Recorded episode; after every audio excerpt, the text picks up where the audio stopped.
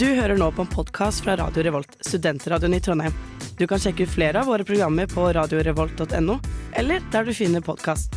God lytting!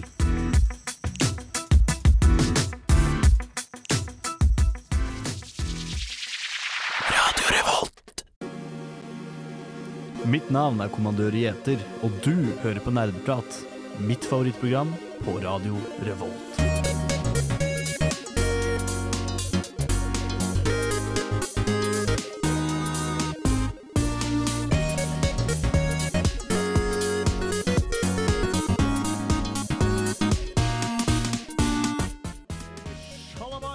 Hallabais, og hjertelig velkommen til Nerdeprat, ditt stoppested for allting nerd her på Radio Revolt.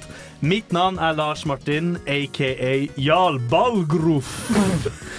Og vi har en rykende fersk sending klar for deg i dag. Med meg i studio har jeg Oksana. på Teknikerplassen Magnus! for første gang Wow, skummelt. fast radioplater. Jakob. Og en veldig spesiell gjest, nemlig Hallo. Det er selvfølgelig Bård. Vi skal ha en superfet sending for deg i dag, men før den tid så skal du få lov til å høre litt hva vi har gjort i det siste. Men hva handler det om, da? Ja, men Det sier jeg ikke før nå. Okay, da. Jeg sier det etterpå. Okay. Hør her, Ylvis. Reven sier Come on! Fire! Sånn, så vet dere det. Hjertelig velkommen. Du hører fortsatt på Nerdeprat her på Radio Revolt. Vi skal ha vår sedvanlige Siden sist-spalte, og i dag er det selvsagt vår beærede gjest, Bård, som skal få lov til å begynne med å fortelle hva han har gjort siden sist. Siden sist, Bård! Ja. Han er altså eh, ikke død. Sånn jeg, jeg, jeg, kan, jeg kan starte med å bare si de spillene jeg har fullført siden sist, så skal jeg stirre inn i Magnus mens jeg forteller dette her. Uh, Hollow Night, Oi. uh, Borderless Gate 3, uh, Armor Core, Resident Evil 2, uh, Super Mario Wonders og uh, Firewatch. Oi! Firewatch. ja. Um, og muligens noe mer. Og så har jeg akkurat nå så spiller jeg Cyberpunk 777, Resident Evil 4 og XCOM 2. Milde Krist, Bård. Produktiv type. Uh, så klart. Åssen har opplevelsen vært? Uh, veldig varierende. Eller, altså, alt har jo vært gode opplevelser. Uh, Ja. Border Skate stjal altfor mye tid. Uh, jeg tror altså, Hvem blir du kjæreste med? Jeg blir kjæresten uh, jeg, jeg lå med Lesell. men etter hvert så begynte hun uh, ikke å like meg så mye lenger. Fordi vi så hadde jeg brukt for lite tid med henne. eller sånt Hun hadde Ja. fått for lite oppmerksomhet. Hun pleier forholdet, Bård. Ja. Men uh, altså, jeg tror jeg la inn Jeg er ganske sikker på at jeg la inn sånn 150 timer etter jeg returnerte til spillet. Ja, Så det er, liksom, det er, det det er lenge. Det er ingenting som er så eh, sånn Uncanny Valley, rar opplevelse i den moderne verden, som å sitte og game, og så brått skjer det en sexscene i spillet ditt, og så sitter du bare i stolen din og ser Ja. på skjermen og er sånn Ja. «Øh, hva, hva skjer nå? Uff. Uh, Hollow Night uh, det tror jeg aldri har fullført før, faktisk, så det var jo også veldig gøy å uh, fullføre. Mm. Uh, Armor Core var det jo det spillet jeg ikke hadde fått spilt forrige semester. Nå fikk jeg endelig spilt det. Uh, veldig gøy. Litt, litt repeterende fordi du skal spille gjennom det sånn tre ganger for å liksom få Altså få hele historien. Mm. Og det var til tider litt kjedelig, og så var noen av oppdragene som var bare utrolig frustrerende. Men utenom det en veldig altså, Å ja, så har jeg jo så klart også fullført Elden Ring siden Ja, sist. oi, herregud. Ja. Så du har bare slått på stortromma? Ja, du. uh, Elden, altså, Elden Ring og Baldur's Gate, to veldig fantastiske spill, men på hver sin måte. Mm. Mm. Jeg skjønner ikke hvordan du får tid til alt det her. Her vil jeg på. Nei, altså det er det å faktisk bruke tid på spill, da, Magnus, Ja. og ikke gjøre alt mulig annet. Og ikke, ikke, ikke Ja. Ja, ja. Prioritere riktig, Magnus. Ja. men, ja, ja. For å si det sånn, Bård prioriterer de riktige tingene. Du prioriterer Ja. Og jeg spiller bare altfor mye league. Han er den verste av oss. Magnus gjør andre ting, jeg spiller league.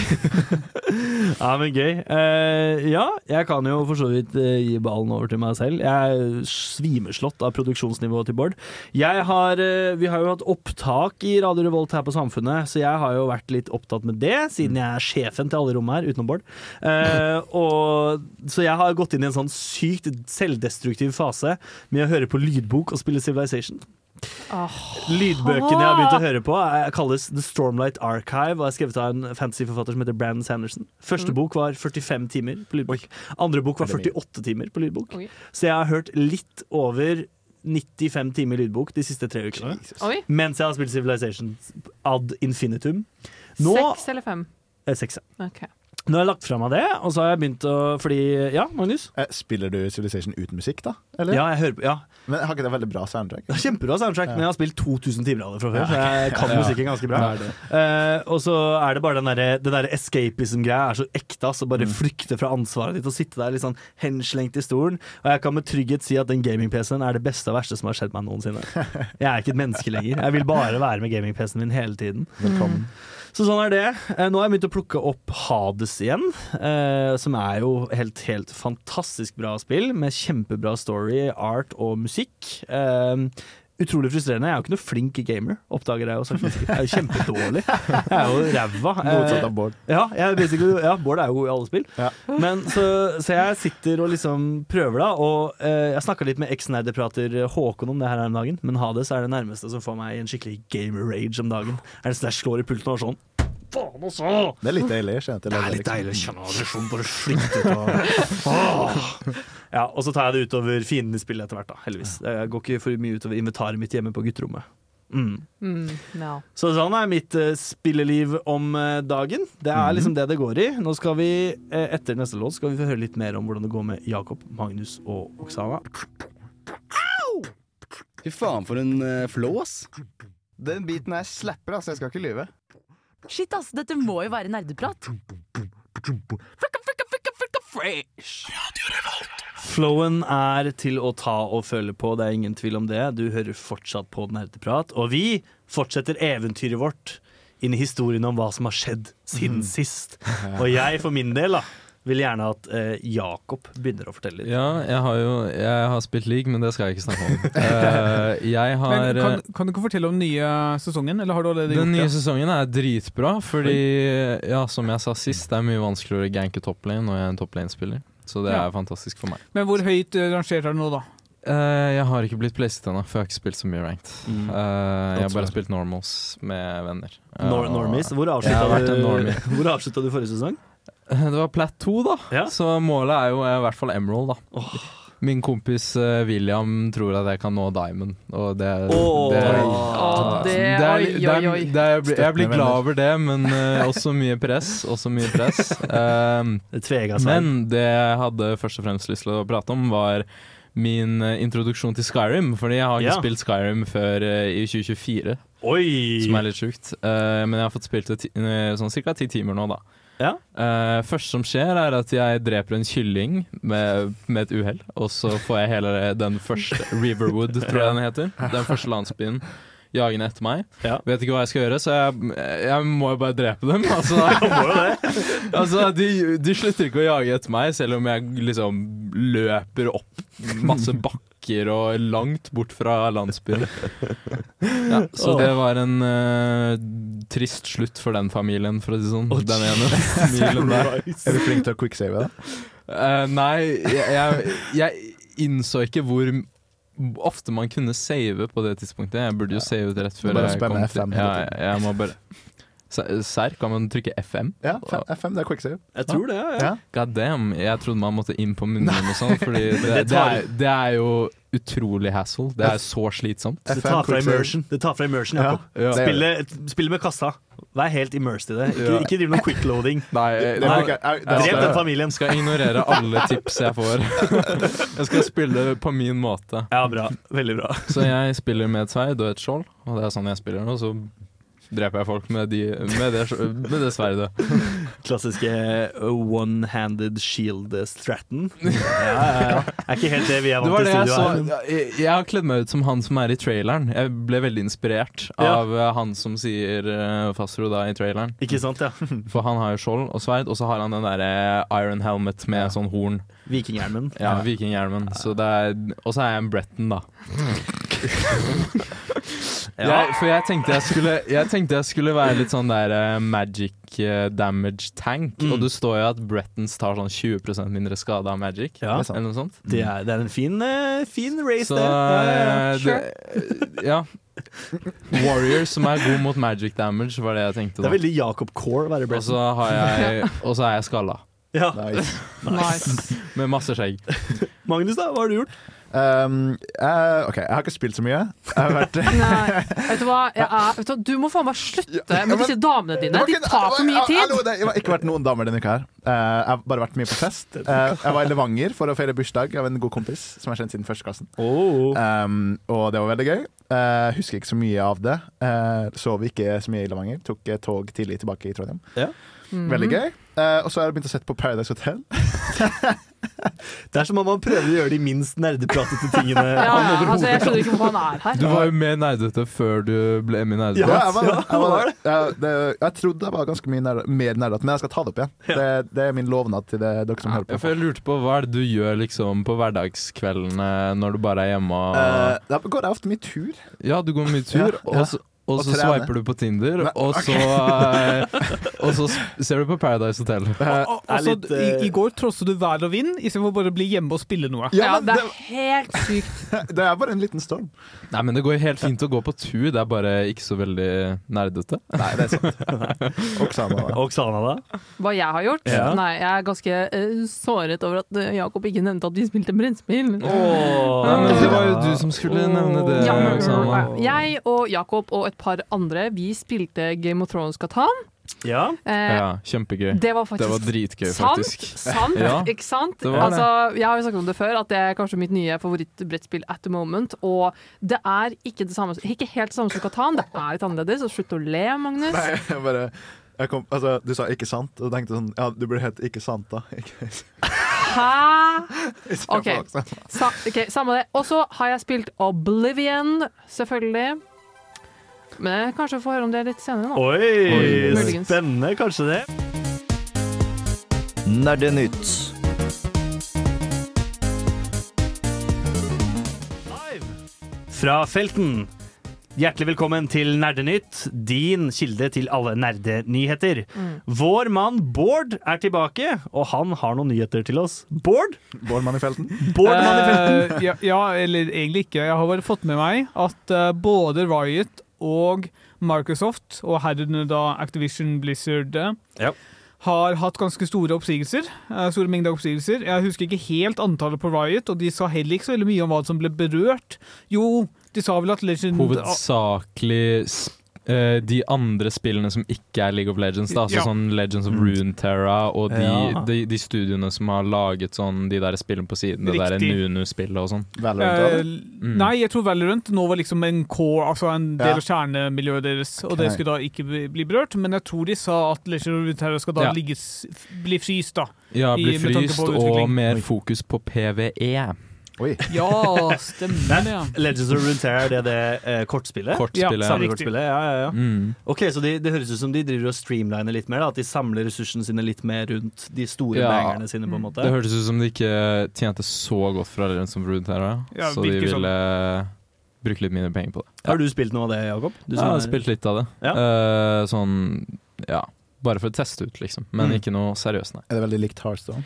Det er ganske likt Hearthstone. Det er jo samme konsept at man har en starting eh, health value, og så skal den til null. Og den første som går til null, den dør. Eh, men så er det litt sånn eh, andre interaksjoner Ja. og eh, litt sånn Men uh, ja, veldig kult. Ja. Men uh, ikke så mange som spiller det, og ikke så gøy, bare, syns jeg. Det er en ting som er veldig dumt med spill. Ja, det er det er, det er det ja. liksom, ja, det er så synd, fordi det er så mange spill som er sånn Å, det her er kult, og det, det er jo go godt konsept, liksom. Men så er det ikke så gøy, Mm. liksom. Så ja. Jeg føler Legends of Runeterra er en av de spillene. Men, men hvorfor er det så mange som får sparken, egentlig?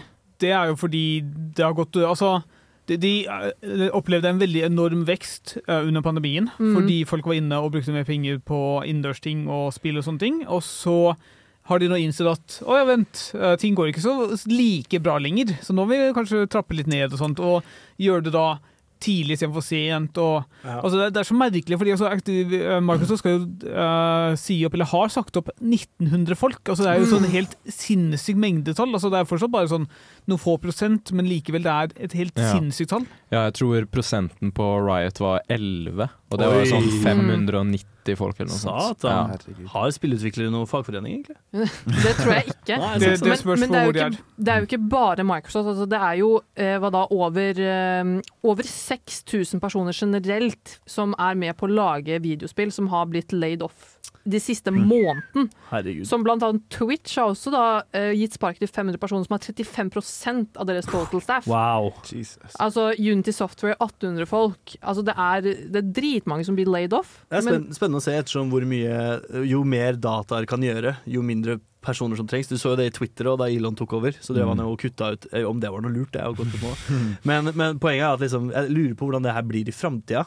Men jeg tror det også det er liksom for, for eksempel med Microsoft så har de blant annet eh, Eller kanskje ikke sagt opp alle, da, men de har sk skrinlagt et eh, prosjekt, et nyspillprosjekt som de bare har sagt at det her skjer ikke likevel. Det er ikke profitable. Nei, altså de, de, har bare, de, de har ikke lyst til å satse på det. Altså de, de har ikke kommet til stedet stadiet hvor de vurderer om det er liksom lønnsomt. De, bare, de, har ikke, de har ikke lyst til å satse på det også. Krybbedød der, altså. Akkurat det med Twitter er ganske kult. Det, det, har, sånn, det har født en ny sånn konspirasjonsteori at internett kommer til å dø etter hvert. At det er kun AI som svarer til AI. det er så mange på Twitter nå som bare er som bots. Bots, Det er fylt overalt. Det er mye av det på Instagram òg. Spennende å se hvordan samfunnet vårt sakte, men sikkert forfaller, folkens. Eh, siste liten nytt. Eh, Palworld er eh, i søkelyset om dagen.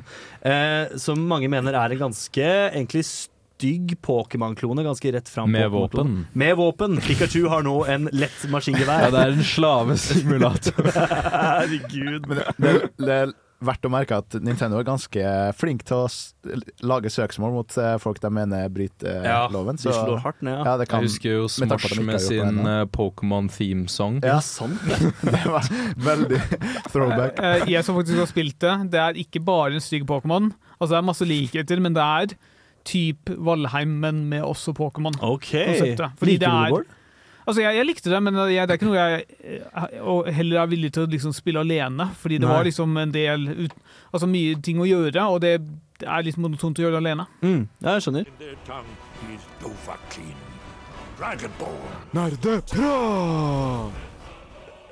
Hjertelig velkommen tilbake til eh, Nerdeprat.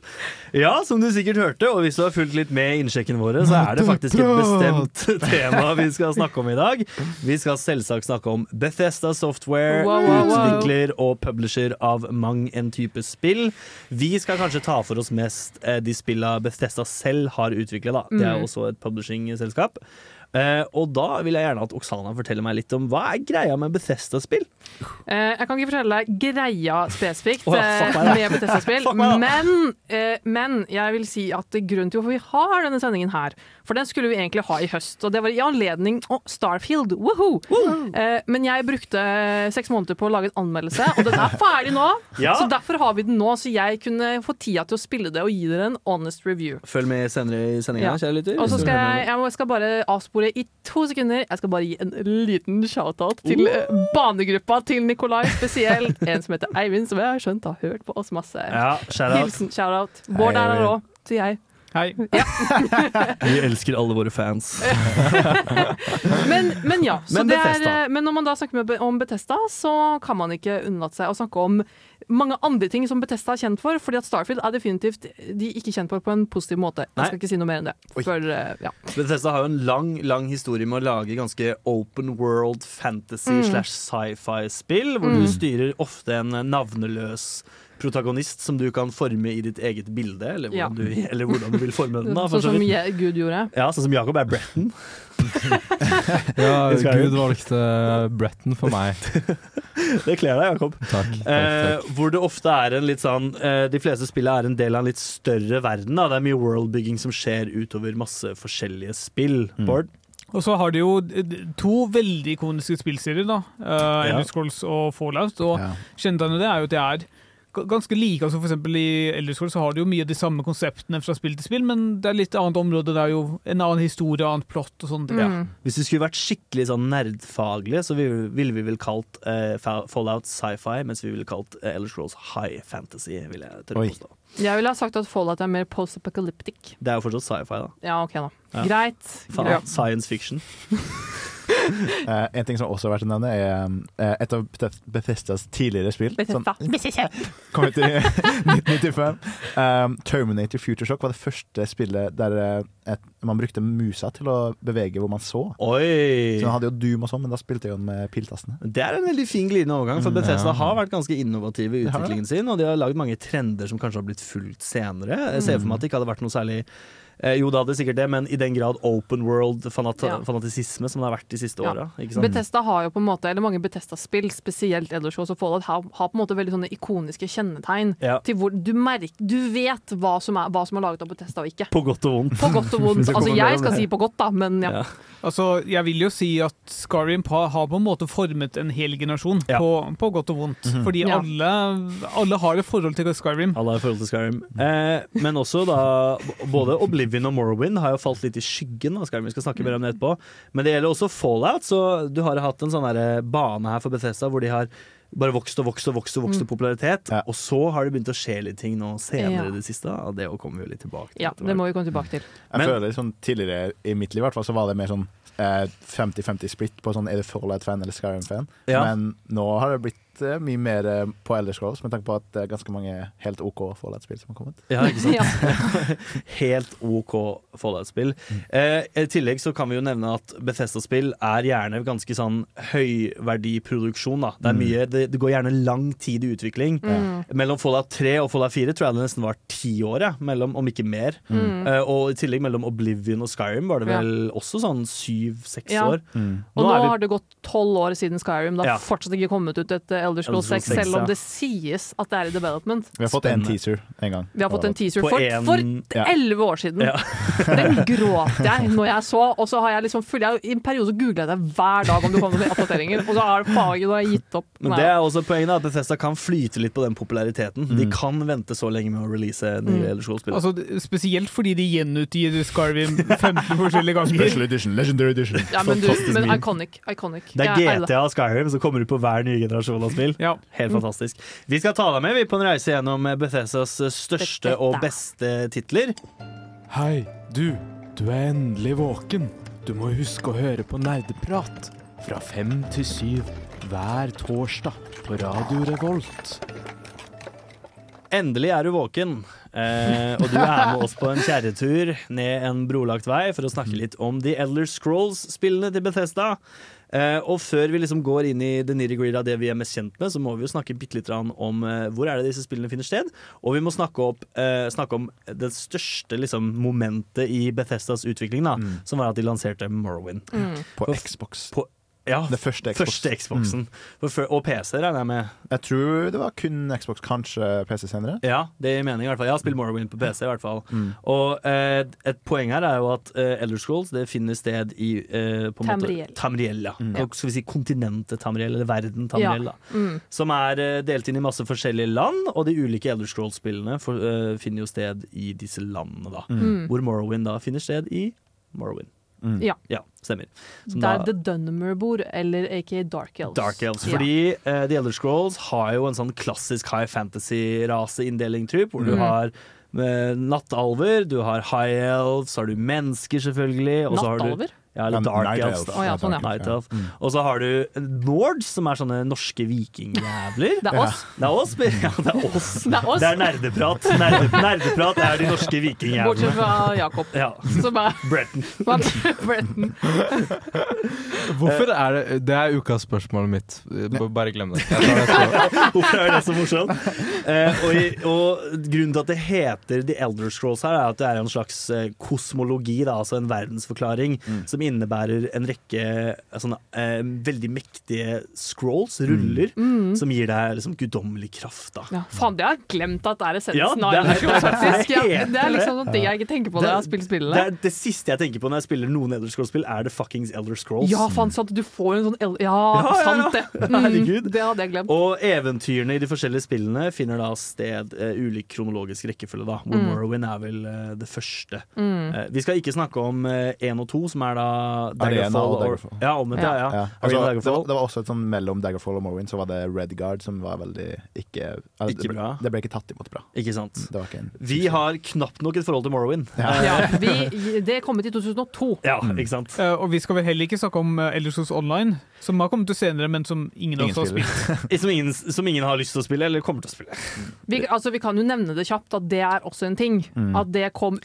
Jeg husker det var veldig skuffende hvis folk forventa Elder ja. Scrolls 6. Men eh, skulle de, dere som har hørt på nerdeprat uh, lenge, uh, kan jo min historie om uh, Elder Scrolls Online. Ja. Hvor skuffa jeg var, og min tredagers nedlastningstid, og rømme, rømme til mammas kjæreste for å ha bedre Oi, internett. oi, Og, oi, dette var trist opp greier.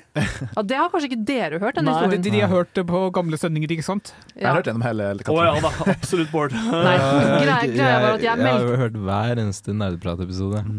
Men eh, er alle dette, det, vi kan jo ta den senere, kanskje, den historien. Ja, vi kan Ja. ta den senere. Fordi eh, det vi må også presisere her, da, eller liksom banken, er at eh, dette er, syns jeg, en veldig velbygd verden. Mm. Eh, og når spillere først og spilte Morrowind for første gang, så kom de inn med noe som har blitt veldig normalt i dag, men som Mm. ikke var så normalt da. Helt fri aksjon. Altså Mm. komplett agens. Du kunne gå absolutt hvor du ville, kunne gjøre absolutt hva du ville, og du kunne snakke med ulike NPC-er. Mm. Uh, og Morrowind som vi forstår det, er et veldig sånn tradisjonelt RPG. da Mm. Hvor du har veldig mange forskjellige skills, du har veldig mange forskjellige typer magi, og det er veldig komplisert å sette Mm. sammen en character og en class. Ja. på en måte Og veldig imponerende til å lage sånn spill generelt i den tiden. Ja. Fordi jeg følte at 2002 er jo faktisk jævla lenge siden nå. Ja, det er faktisk ganske Jakob var ikke født. Nei, det Jakob var født, uh, bare for å si det. Jeg var tre år gammel. ja, tre år gammel. Ja, eh, Og konsensusen, da, fordi som jeg sa i stad, vi har ikke så mye forhold til Oblivion her i studio, men konsensusen rundt I det- Morrowind. Ja, sorry, Morrowind. Konsensusen er jo at det er eh, Mange mener at det er Bethesdas beste spill. Oi. På ekte. Fordi det er den der, som jeg om i sted, den komplette agensen og den derre eh, eierskapet man får til verden, er ganske egenarta. da. I tillegg så var det noen som nevnte, jeg leste en YouTube-kommentar som sa at eh, det Morrowind gjør veldig rett, som Oblivion og kanskje Skyrim ikke får til så bra, er at der er det veldig sånn narrativt press på at du skal liksom kill the bad guy med en gang. da. Morrowind lar deg utforske verden mer, og da får du litt mer eierskap til det. Jeg vet ikke om jeg er enig i den påstanden. Jeg er ikke helt enig. Eh, nei, kanskje Nei, det kan vi komme til senere. Vi kan kanskje. komme tilbake til det senere. Uansett så må Ja. Oksana. Nei, jeg vil bare også nevne at Det som er også veldig unikt, og det her på en måte starter jo på mange måter i Morrowind, er jo på en måte all lauren som ligger Ja. bak Elder Scrolls-spill. At det er jo akkurat samme guder, akkurat samme liksom alt. Mm. på en måte Du ser Det er veldig mange av de kjennetegnene til f.eks. Dager Gods. Ja. Så det er på en måte at samme, det er samme type gruppe som worshipper ulike typer Dager Gods. Det er alltid si- for The Dark Brotherhood. Ja. Og at det er, du på en måte ja, At du ser de likene gjennom hvert spill, da, som jeg syns er veldig unikt. Og, jeg, og de har til og med utviklet et helt språk! Det kan vi komme Det tilbake til om. Skyrim. En annen, på, en annen poeng som gjør Elder Scrolls litt sånn mørkt, er jo det at alle disse Daedric godsene da, som i seg- tenk, Når du hører Daedra, tenk helvete, ikke sant? De er veldig tilgjengelige i verden. De er overalt. Mm. De har masse artifacts og gjenstander. Mens gudene, eller liksom de gode gudene, de er helt borte. De Ja. er ikke til stede. Og det var på dette tidspunktet i runnet der jeg brukte radiofrekvensskippen, som involverer at du hopper over alle de andre radiokanalene, så du kommer direkte til Radio Revolt mens nerdeprat er sending. Denne skippen er kritisk for en god tid i et nerdeprat-speedrun, og den kan spare deg masse tid på klokka om du er frame perfect, slik at du gjør skippen på en torsdag mellom klokken fem og syv. Deretter brukte jeg snip flip-glitchen, som involverer at du skrur volumet opp og ned, slik at du lurer koden. Hjertelig velkommen tilbake til Radio Revolt. Der hørte du Average Guy av TV Girl, og vi fortsetter vårt eventyr inn i Tamriel. Nå skal vi snakke om et spill jeg vet Oksana har brukt ganske mye tid på i det siste, oi, nemlig oi. The Elder Scrolls 4 Oblivion. Ja. Ja, der er vi i mål, ja. Veldig bra. I ikonisk spill. ja. Jeg, jeg eh, plukket det opp i starten av 2024, eh, og jeg Altså, jeg har spilt det betydelig mye mer enn mange andre Bethesda-spill som jeg også har spilt i det siste. Mhm. For det er en sånn type spill som har bare fanget meg. Og jeg var sånn Hvorfor i helvete har ikke jeg spilt det her før? Å ja, du fikk den følelsen i Ja. 2024. Hadde du noen mods? Nei. Nei. Jeg har ingen mods. Jeg spiller bare helt uh, si, van vaniljeversjonen. Mhm. Eh, og jeg, det er jo ikke noe hemmelighet at jeg er en veldig Skyrim-girl. jeg. Herregud!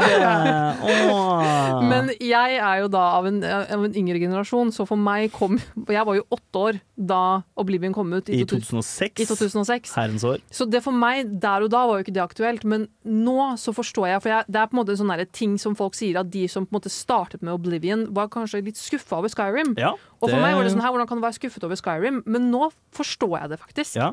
Eh, jeg kan bare si noe, avsporet jeg litt fra å fortelle om selve spillet. da. Men selve spillet tar sted i Cyrodiil, som er da hoved...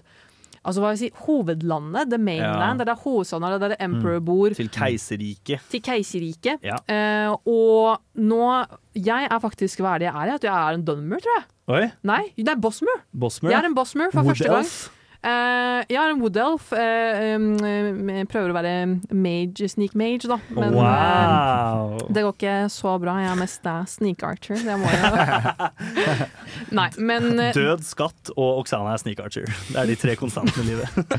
Eh, men jeg har altså kost meg så mye med dette spillet, fordi at altså, ikke bare det at jeg ser hvordan det har på en måte lagt, eh, lagt veien, eller hva man sier, til Skyrim. Ja. Fordi mye av musikken er jo den samme. Mm. Lauren er jo helt lik. Eh, den derre for eksempel eh, Hva er det du ler av?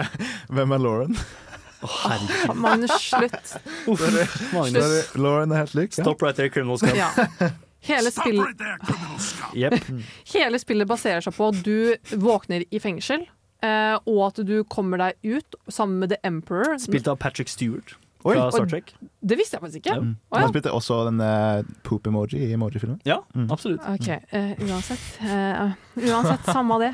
Eh, og at du skal rømme ut med han ut av dette, dette fengselet. Ja. Eh, fordi at din spesifikke celle er den eneste cella man kan slippe unna av det fengselet. Wow, for en tilfeldighet. Convenient. Kom veldig convenient. Og så dør emperoren, og så er det sånn Å nei, han har jo ikke noe Han har jo ikke noe av- av- Arving. A, a, jeg skulle si avkom, men det er vel feil. jo, avkom er riktig. Jo, avkom. På ja. Eh, og så er det sånn Å jo, han har en bastard sønn. Ah. Ja, og og du der fortsetter eventyret ditt. ja, jeg er litt sånn dårlig main quest-person. Jeg. Jeg går vekk fra main questen med en gang. Jeg er sånn, Hvor er The Thieves Guild? Hvor er The Dark Brotherhood? Hvor, hvem kan jeg drepe? Hva kan Mm. jeg stjele?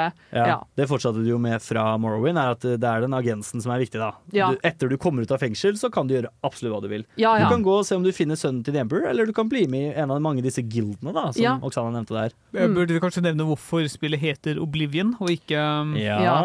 Ja, fordi at eh, det som er greia, er at det har åpnet seg masse Oblivion Gates da, i Oblivion, Oblivion. er Eh, Er liksom helvete, da. ja, er planen av helvete. Ja, Det er liksom der The Daedric Lords er lords, da. En av dem i hvert fall. Ja. Ja, en av dem. Ja, sant, en av dem. Og, mm. ikke sant? Mainquesten er sånn der, ja ja, samme det. Jeg vil bare drepe ja, ja. folk. Neida. Men eh, så de åpner seg sånn på forskjellige steder i Cyrodiil, og så skal du på en måte Du er på en måte den eneste som kan lukke de, da. Ja.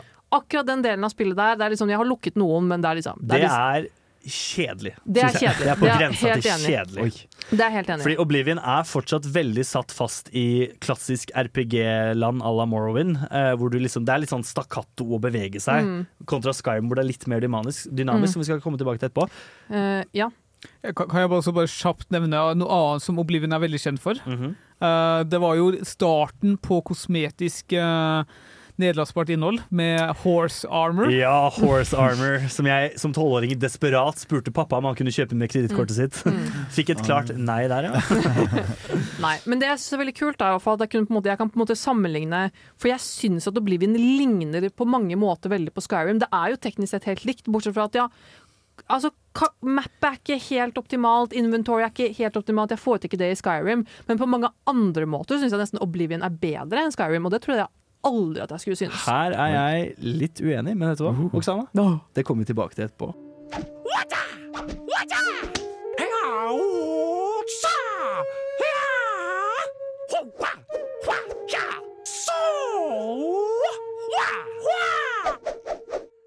Nei, Det er helt riktig, det. Du hører på Nerdeprat. Og nå skal vi snakke om noe jeg føler eh, vi i studio har dansa rundt i kanskje så lenge jeg har vært med, i hvert fall, men aldri snakka helt ordentlig om.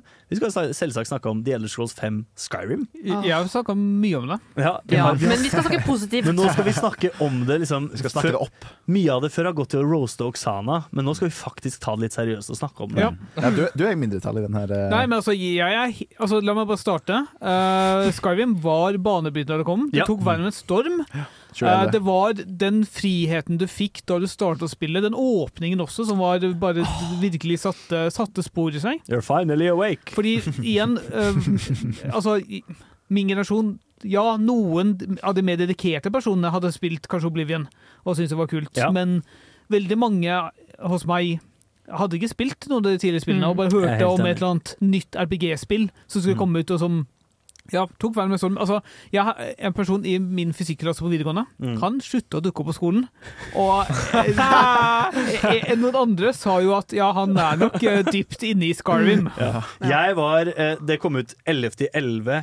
2011. Jeg var på Spaceworld den dagen og kjøpte Skyrim, forhåndsbestilt Skyrim. Jeg var da 14 år, eller 15 år. Jeg er ikke gammel nok til å kjøpe det, så jeg hadde 180 puls på veien i butikken. Og så var jeg sånn, jeg får ikke lov til å kjøpe det, jeg er for ung. Og han, han bak disken så på meg, så var han sånn Kos deg, kompis. Og da spilte jeg 30 timer første helga.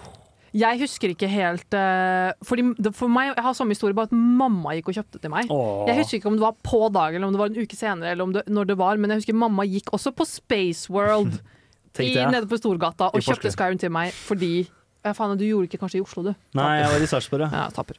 Eh, nei da. men jeg også var en av de typene sånn OK, jeg fikk ikke lov til liksom, at jeg skulle gå utover skole, men OK, mamma, du må lukke ørene dine, for det her har jeg sikkert ikke fortalt Oi, deg før. Øynene, mamma. Eh, men når jeg da hadde Ørene. min første vinterferie det året jeg hadde Skyrim, så var jeg på besøk Da hadde jeg vinterferie hos pappa. Eh, og pappa eh, var Ja, hva skal jeg si? Bro. Nei. Jeg fikk da lov til å ligge i senga og spille Skyrim på laptopen jeg hadde, oh. uten å reise meg i senga. Så pappa kom med mat på senga. Så vi hadde, det var sånn gigaseng jeg lå i. Så det var meg som lå i samme posisjon og kun gikk på, typ på do. Og da masse tallerkener på andre siden. Det er godt å høre at du gikk på do, da. Ja, det var for ikke bleie i det minste. Men pappa på en måte ga opp med å mase på meg at jeg måtte gjøre noe, så jeg lå med nakken knekt i den senga og hadde masse liksom, råtten mat på sida. Som du kan høre, kjære lytter, er Skyrim noe vi har et nært og kjent Mm. og kjært forhold til. Mange av oss, i hvert fall. Det er en i studio som har plukka det opp ganske nylig. Det er sant. Jakob, hvordan er det Ja, å se på det her med eh, nye øyne? historie er ikke like rørende som deres, kanskje. Det er at- like mye neglekt som også Ja, Min historie blir vel at jeg kjøpte Skyrim i 2016 på salg på Steam. Og så har jeg plukket opp nå for et par uker siden Ja. på Steam. Hvordan Eh, syns du det er? Jeg syns starten er utrolig kul. Mhm. Sånn eh, Ja. Det Altså det, Jeg skjønner akkurat hva Bård sier, liksom. Og jeg skjønner veldig godt hvorfor folk i 2011 var helt crazy. De er det fortsatt. Ja, og er det fortsatt, med kanskje litt mer nostalgisk faktor i dag, men uh, jeg skjønner veldig godt at liksom den starten liksom bare introduserte deg til Mm. spillet på en sånn utrolig bra måte, Mm. og at det var liksom noe nytt, noe Mm. Ja. Det setter så Mm. tonen for spillet, for det er så sjokkerende. på en måte Hele den starten er bare sånn Ja. Hæ? Ikke sant? Og bare så brutalt. Og jeg vet ikke, nå, Sorry, jeg avsporer litt, men jeg vet ikke om dere har da, når dere har spilt det, gått tilbake til um, Helgen. Til helgen Mm. etter det. Ja. Jo, har det. Jo. Altså meg som 14-åring var sånn Det ligger brente lik her. Og bare Jeg kommentere at Nå har vi jo ikke egentlig forklart så mye hva som Nei, skjer i. Skyrim, men poenget er jo Alle at vet. alle vet, ikke sant? Alle det er vet. jo så fuckings etablert oh. som, uh, som et spill. Å, helvete! Jeg må forte meg! Det er en ny episode av Nerdeprat. Det kan jeg ikke gå glipp av.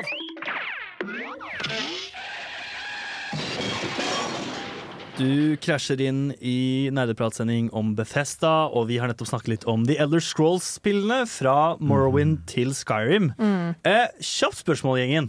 Hva syns vi egentlig om The Elder Scrolls som sjanger? Så bra. Ja? jeg, jeg, jeg, eh, jeg er helt enig. Jeg, noen ganger så, jeg begynte nesten å gråte når vi så introen jeg og Jakob i stad. Jeg, jeg føler at jeg har lyst til å lære mye mer om Lauren, og jeg føler det er et godt tegn. da mm. Jeg, jeg likte det da det kom ut i 2011. Jeg har sluttet å like det i noen år etter. Jeg er litt enig med Bård. Jeg syns det faktisk Jeg synes det er vanskelig i hvert fall å plukke opp Skyrim igjen. Og hvis jeg skulle gjort det med Oblivion, så skulle jeg hatt en del mods, tror jeg. Mm. Eh, graphic shaders og sånne ting. Men altså, ikke, ikke bare det, fordi altså, det grafiske kan jeg ignorere, men du, du merker bare at når, du- når du spiller som Borderskate Gate 3, som Ja. Witcher 3, som Cyberpunk som jeg spiller gjennom nå, bare merker at du har så mye mer variasjon, du har så mye mer Mm. innflytelse på din eget spill. Mm. Jeg er helt uenig. Jeg, jeg plukker opp Skyrim kanskje en gang i året. Bare jeg gjør med det? mer mods og alt sånt. Ja, ja. Mm. Skyrim åpner jeg hele tiden. Det, Ja, altså, jeg også installert. gjorde det inntil Altså, i fjor så stoppet jeg, for da fikk jeg faktisk nok. Jeg, jeg mener bestemt at uh, jeg- det beste grepet Bethesda gjorde for å selge spill, men kanskje det grepet jeg liker minst, som de gjorde med Skyrim, var at de streamlina veldig mye greier.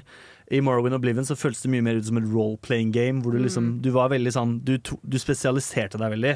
Nå kan du egentlig gjøre litt av alt hele tiden. Jeg jeg liker det, altså Jeg likte det sikkert da det kom ut, men i ettertid så har jeg tenkt på at hvorfor kan jeg som protagonisten i Scarvin, bli god på hva som helst? Hvorfor kan jeg bli smed? Jeg kan bli altså, Ja. hva som helst.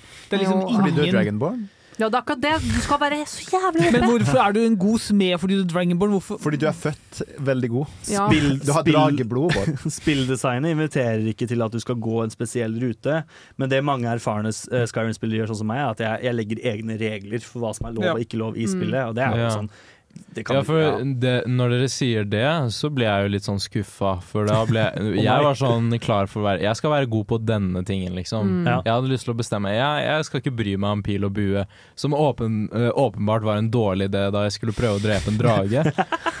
Men øh, ja, så jeg blir jo litt skuffa av å høre det. da Jeg syns jo spill hvor man bare kan være god på de tingene, liksom er bedre. Ja. Mm. Det er Du bedre kan- spilldesign. Du kan også spille spillet sånn, og Mm. det blir kjempegøy. Det er på en måte ditt eget Mm, valg. Ja, ja. Mm. Det er bare at muligheten er der, og for mange Ja. gamere er det nok til at spillopplevelsen blir Ja. litt sånn lunka. kan- Eh, altså, igjen så vil jeg bare si det, fordi det her merker jeg spesielt i Witcher enda mer i Baldur's Gate. Mm. Jeg vet ikke om jeg kan spille så mye RPG-spill hvor Altså, skjebnen til alle de rundt meg er liksom forutbestemt. Jeg Ja. har lyst til å påvirke det. Jeg har lyst til å liksom si at OK, Mm. jeg har, får en romanse denne personen her, da kan det hende at de faktisk blir nærmere meg, eller Mm. Og den andre personen som er, da også var forelska i meg, kanskje drar av gårde. Ikke sant? Og så er det poenget å si at vi, vi, i hvert fall mange i studio her, har jo spilt Skyrim jævlig mange ganger. Mm. Så vi har blitt litt sånn jaded på det òg. Jeg husker første gangen da jeg tok på meg headset og spilte Skyrim, så var jeg helt forelska. Jeg Mm. Var helt fortrylla. Mm. Så det er, jo, det er jo noe litt annet, ikke sant? Ja,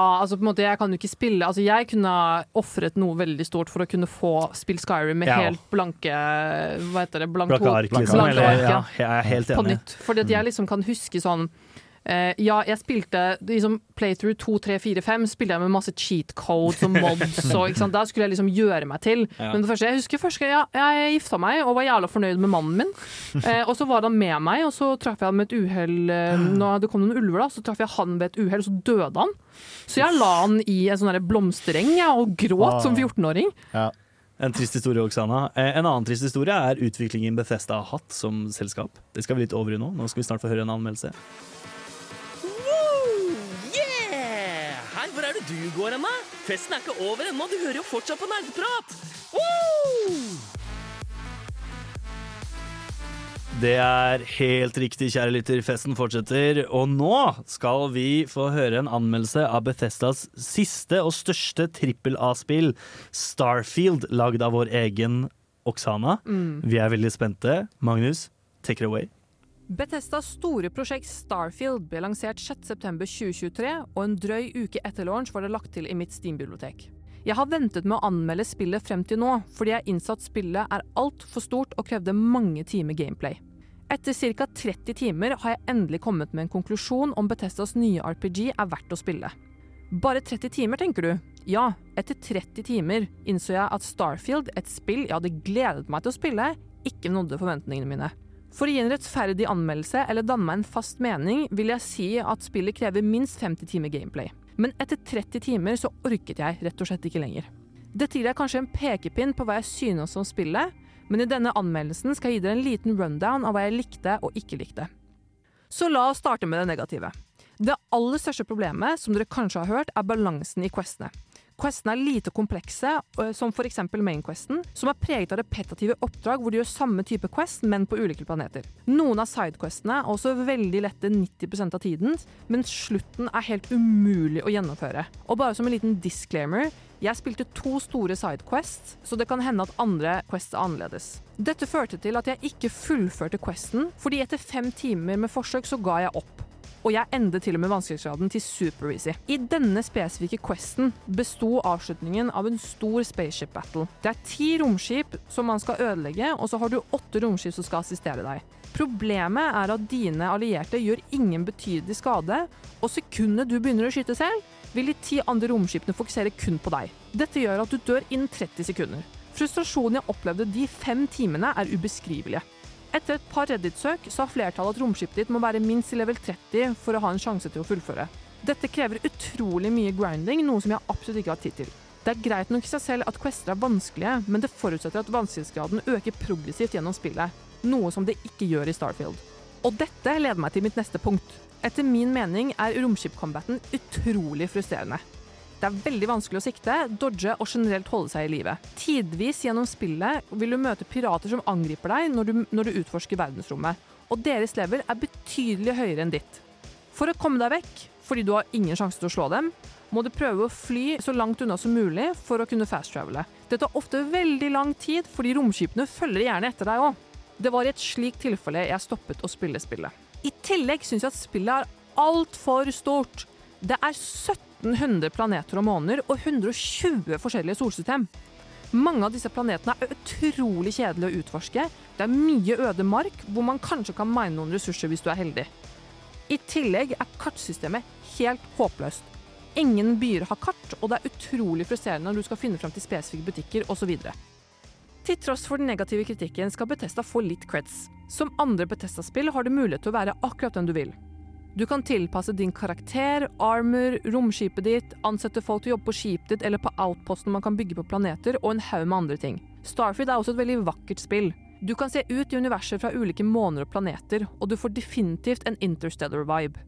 Etter min mening tror jeg Betesta virkelig prøvde å gi oss spillere en helt unik opplevelse. Spillet har mange gode momenter, men det dårlige overveier helhetsinntrykket. Så I starten av 2024 plukket jeg opp The Elder Scrolls Oblivion. Og det kan ikke engang sammenlignes med Starfield. Jeg merket etter de ti første timene at jeg lengtet etter et nytt Elder Scrolls-spill. Det er kanskje en del av mitt problem. Betesta, vær så snill, gi meg det jeg vil ha. Jeg har ikke ventet ti år på en space simulator. Jeg har ventet på et nytt Elder Scroll. Fear not. Come dragon or giant, we'll be ready.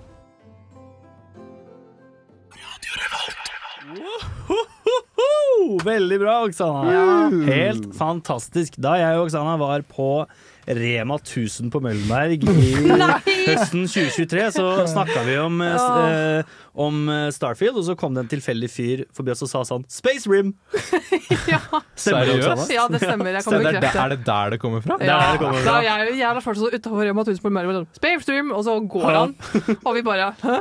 Men hva syns du eh, er Nå fikk vi et lite inntrykk her, da, men er Starfield bare en Skyrim-klone i sci-fi-drakt? Ja. Uff da. Ja, Nei, men altså, altså, ja, nei, altså selvfølgelig, det er jo altså, storyen er, men det er samme greia. At du, å, du våkner og du er, et, du er helt en insignificant person, og så finner du ut at oi, jeg har denne helt unike abilityen. Aha. Du får et eller annet flashback fordi du tar på et eller annet artifact som svever i lufta, eller et eller annet sånt skitt, Og så er det sånn oi, du, du må hjelpe oss. Ja. Jeg, jeg har hørt at sånn liksom, reising fra planet til planet er utrolig lite tilfredsstillende. At Ja. du bare setter deg inn Jeg vet Altså- ikke hvordan det fungerer. Altså, ikke sant, Kartet som jeg sa, er, er så enormt. Det er dritsvært. Og hvis du skal helt fra, å si, helt fra venstre og helt til høyre, så kan ikke du på en måte fast-travele på en måte fra det punktet hvis det er langt nok unna. Du må på en måte fast-travele til visse punkter, for du har ikke nok fuel. Selv om du må aldri må fylle på fuel. Jeg skjønner ikke om det lar seg opp av seg selv eller ikke. Men du, du flyr faktisk ikke selv, du bare setter deg i romskipet og trykker på en knapp? du, kan, kan, du kan det, ja. du, kan, du kan fly selv, men da kan du ta deg liksom 48 timer, da. Mm. Det er en ting jeg tror jeg er ganske sånn redd for at kommer til å bli et stort problem i Ja. Open world-spill framover. Siden jeg har følt det samme med Lego Worlds. Nei, Mm. ikke Lego Worlds. Lego Star Wars, eh, det nyeste. Skywalker Saga. Det er altfor mye å gjøre. Det er for stort. Et spørsmål nå er da hvorvidt, når vi ser at dette blir et problem, hvorvidt kommer vi til å ha veldig mye mer open world da? Kanskje pendelen svinger litt tilbake, at vi får mer sånn fokuserte, tighte narrative spill ja. Altså, jeg tror liksom at hadde de, for det er jo noen av de planetene som man er definitivt mye mer på, hvor det er store sivilisasjoner, hvor du på en måte har Mm. en del quests, så hadde på en måte de heller komprimert spillet til liksom bare denne sirkelen hvor disse solsystemene er. Ja. Så hadde det vært greit. Men jeg, ikke sant? jeg er jo når oi, det er et stort open world, spi- open open world space-spill. Mm. Og så er jeg sånn, ok, men oi, la meg dra til jorda! Herregud, så spennende å dra til jorda. Kanskje Ja. Mm. jeg lander i? New York, det er London som er helt sånn fa Altså, hva skjer? Det er ingenting på jorda! Eh, Min lille hot take for i dag er at uh, jeg liker egentlig ikke open world. Det er Oi, ok, på det- grensa til å være enig med deg, Ja. Jakob. faktisk. Eller det, har blitt, det er saturata. Vi har nådd et metningspunkt, føler jeg, Ja. Jeg. Ja, det, jeg trenger Men- ikke snakke som Eller Altså, det, det spørs jo veldig på hva som den fylles med, da. Ja. Fordi Jeg altså, føler Skyrim er stort nok. Jeg vet jo at uh, Lars Martin og Håkon har veldig forskjellig mening om Red Dead Redemption 2. Ja. Fordi du likte det veldig godt, Ja. mens Håkon syns det er for tomt. At Ja. det er for mye reising mellom Ja. hvor det ingenting skjer. Hvis Ja. du kan claime at det er et atmosfærespill, så blir det liksom litt bedre, da. Ja. Men uh, that's Ja. neither here nor there. Vi skal snakke litt mer om Bethesdas utvikling. Uh, og så må vi bare takke Oksana for en kjempefin anmeldelse. Ja, kjempebra. Ja, kjempebra.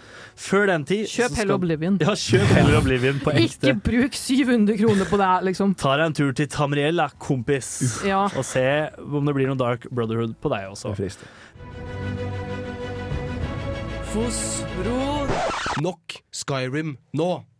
Ja, er det nok Skyring nå, dere? Kanskje. Hjertelig velkommen tilbake til Nerdeprat. Eh, vi har snakka litt om The Elder Scrolls, og så har vi snakka litt om Starfield. Nå lurer vi litt på bare litt sånn, hvilken retning er Bethesda på vei? Godt spørsmål. Ka- Kan jeg tease Feil. litt eh, senere temaer også? Ja, Fordi ja, Vi skal også prate om Fallout Ja. eh, etter hvert. Ja. Men jeg føler ut som alle spillene til Bethesda, som er liksom Bethesda Bethesda, ikke utgitt av Bethesda, men utviklet av Mhm. Bethesda, er bare mer eller mindre samme konseptet, Ja. men i forskjellige atmosfære, forskjellige settinger, forskjellige historier. Men altså, du har ca. like mye med frihet. Du har, Mhm. altså, det, det er veldig likt. jeg er enig. Eh, Det er jo derfor den eh, tilfeldige mannen på Rema Møllberg kalte det Space Room også. Ja. Eh, som er ganske artig, egentlig. Men ja, Bård, jeg er helt enig. Jeg syns at de hadde et kjempegodt utgangspunkt med Morrowind og Oblivion. Det skjedde mye fra Morrowind til Oblivion, og det lagde et godt fundament for hva som kunne skje videre. Mm. Men så virka det nesten som om vår mann Todd Howard, da, som er Mm. sjef for Bethesda, oppdaga at her er det mye penger å tjene. Ja, altså, jeg, jeg har jo belyst liksom uh, Witcher 3 som altså det det er ikke et perfekt spill, Nei. men det gjør ting som Skyrim da ikke gjør. Og Mm. det her kommer vi til 2014, og Ja. her har vi da Uh, Star, Starfield, Starfield. som kommer til 20, 2023, altså ni år senere. Ja. Og jeg vet ikke, altså har du noe særlig innflytelse over valgene du gjør i Starfield? Ja, eh, ja til, altså, så vidt jeg spilte, eh, så har du altså Du kan liksom velge å være Jeg husker ikke hva det heter, UC Commerce, som er sånn kolo kolonistfolk som Ja. driver og styrer denne delen av, av liksom verden. Og så har du noe sånn som ligner på Space Cowboy, som er mer sånn wow, crazy people. Ja, okay. Ja. Er det enda et ubetydelig valg, sånn som uh, i krigen i War. Ja, det, det, er litt, det er litt samme greia. Liksom, for jeg, jeg googlet jo bare hva, måte, ok, hva får jeg for dette, hva får jeg for dette. Så har folk sånn, ja, hvis du velger denne verden her, så får du en jævla kul penthouse. Hvis du går i denne verden, får du dette våpenet her. Bård, hva mener du med ubetydelig valg? Du er ikke en ekte nord. Du er faen ikke en ekte nord. Jarl Ulfrik. Nei, faen, jævla racist piece of shit. Så Ja, fuck det. Men det er bekymrings, bekymringsverdig tendens da, at uh, spilldesignet på en måte er så lat at uh, Mm. du må liksom finne på moroa sjæl. Ja, og så liksom jeg, jeg så visse ting eh, de prøvde å gjøre i Starfield, som for eksempel eh, Altså i Skyrim så kan du bare ta på deg den jævla amuletten, og så har alle kine på deg, liksom. Amulet of Mara. Ja, Amulet of Mara. Yeah. Mens i Starfield så må du jo faktisk Du må, du må, sn du må snakke i deres favør, for du kan velge å være empath, og du kan velge å ja, Jeg er empath, da. Ja. Det syns Lars Martin var veldig morsomt da jeg fortalte han det. Ja. At jeg var empath i Starfield. Er Så som i virkeligheten, så som i Starfield.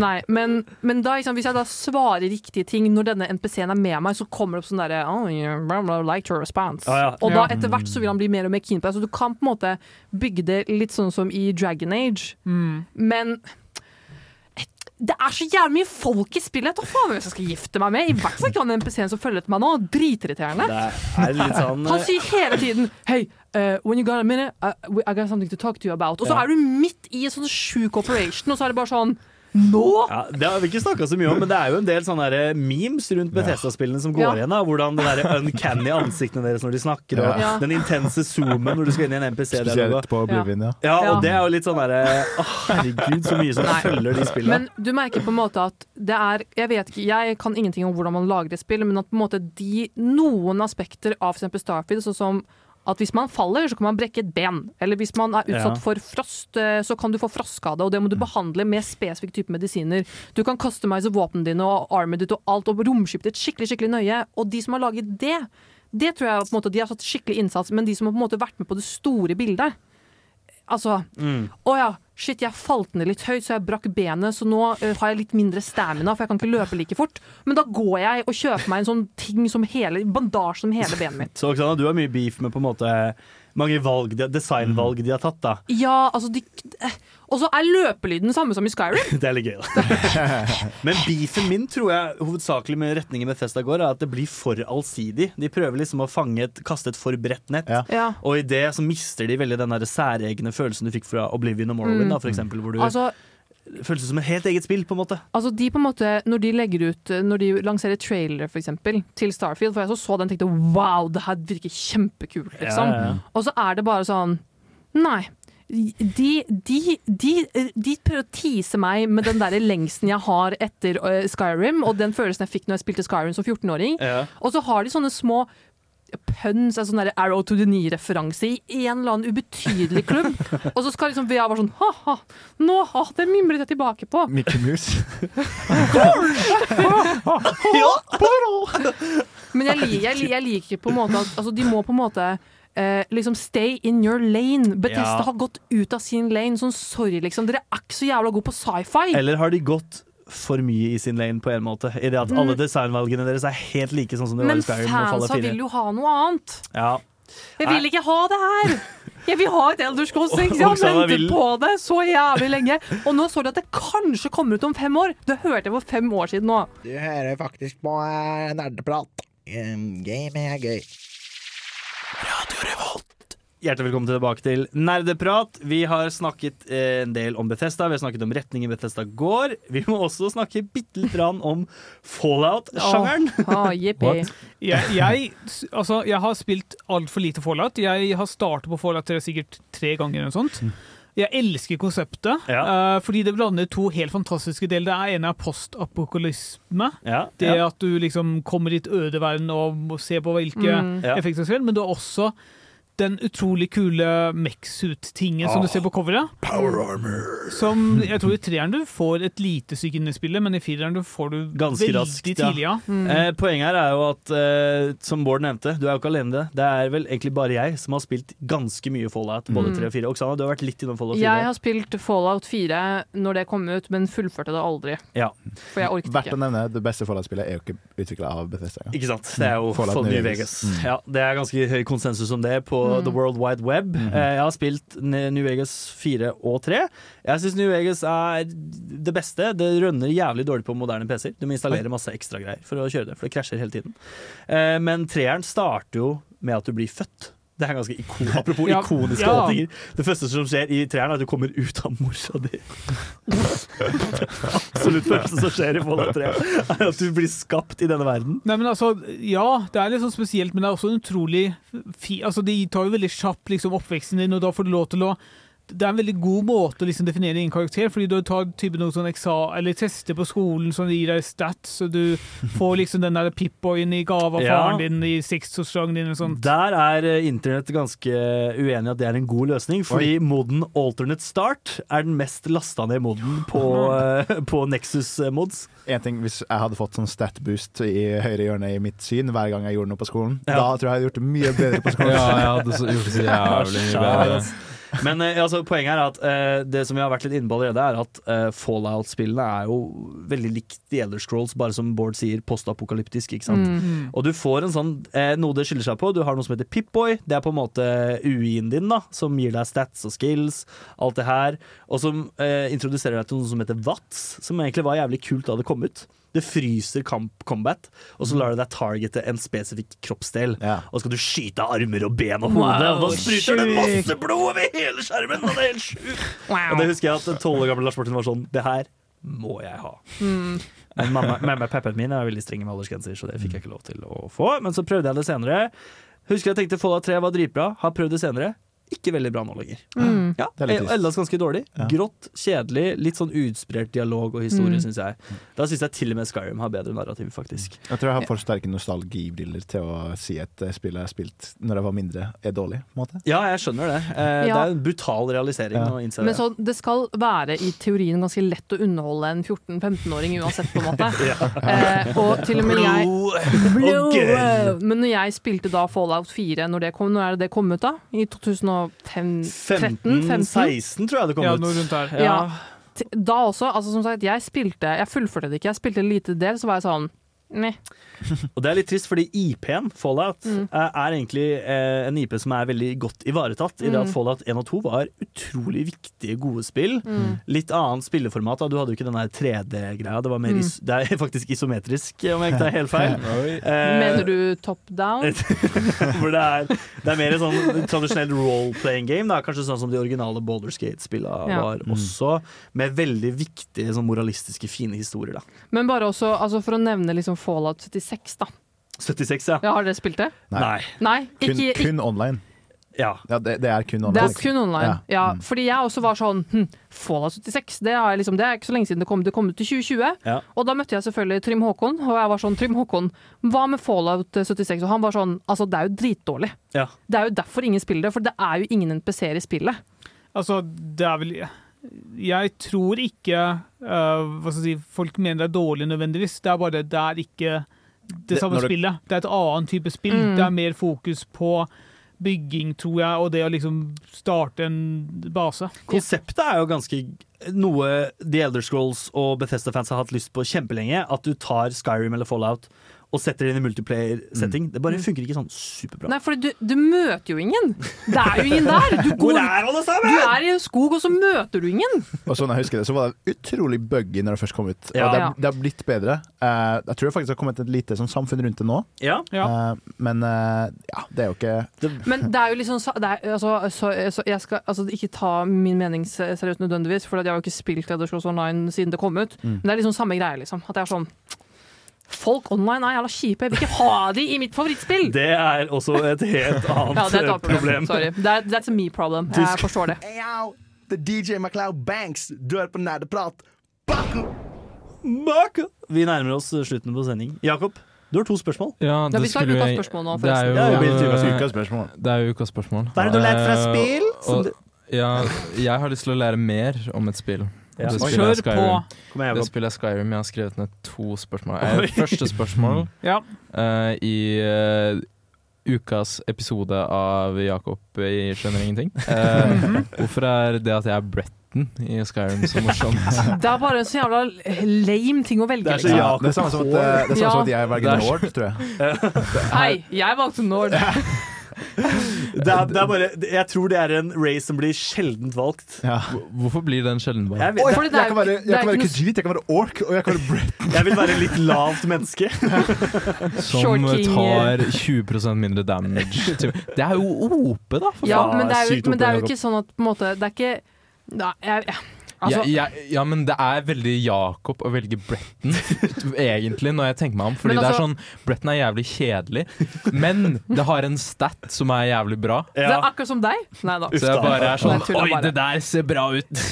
Minus 20% damage fra magic. Ja, jeg tar den, Men, jeg. men altså, i Skyrim så har det egentlig ganske lite å si egentlig hvilken, hvilken race Ja, du velger. det Liksom. er bare Det er, altså, literally, det er den største forskjellen, for du kan alltids øke resistance til diverse ting med Ja. Mm, potions okay. og enchantments og diverse ting, men altså i det minste så slipper du å få racist kommentarer, da. Det er- Så får det er du som Argonian Khajiit. Altså, det er jo noen sånne unike voice lines, ja. På, Ja. eh, I hvert fall Argonian Khajiit Ja. og Dark Elf. Sånn er Chad Nord, Beta Bretton. Neste spørsmål.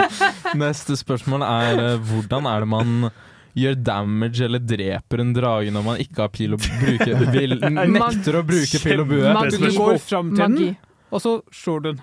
Men Altså, han har, men, Men ok, du han har blir jo poeng. myrda. OK, Ja. på et Altså, på Altså, dragen vil lande, da kan du prøve å slåss med den, men Ja. hvis ikke, så må du bruke magi.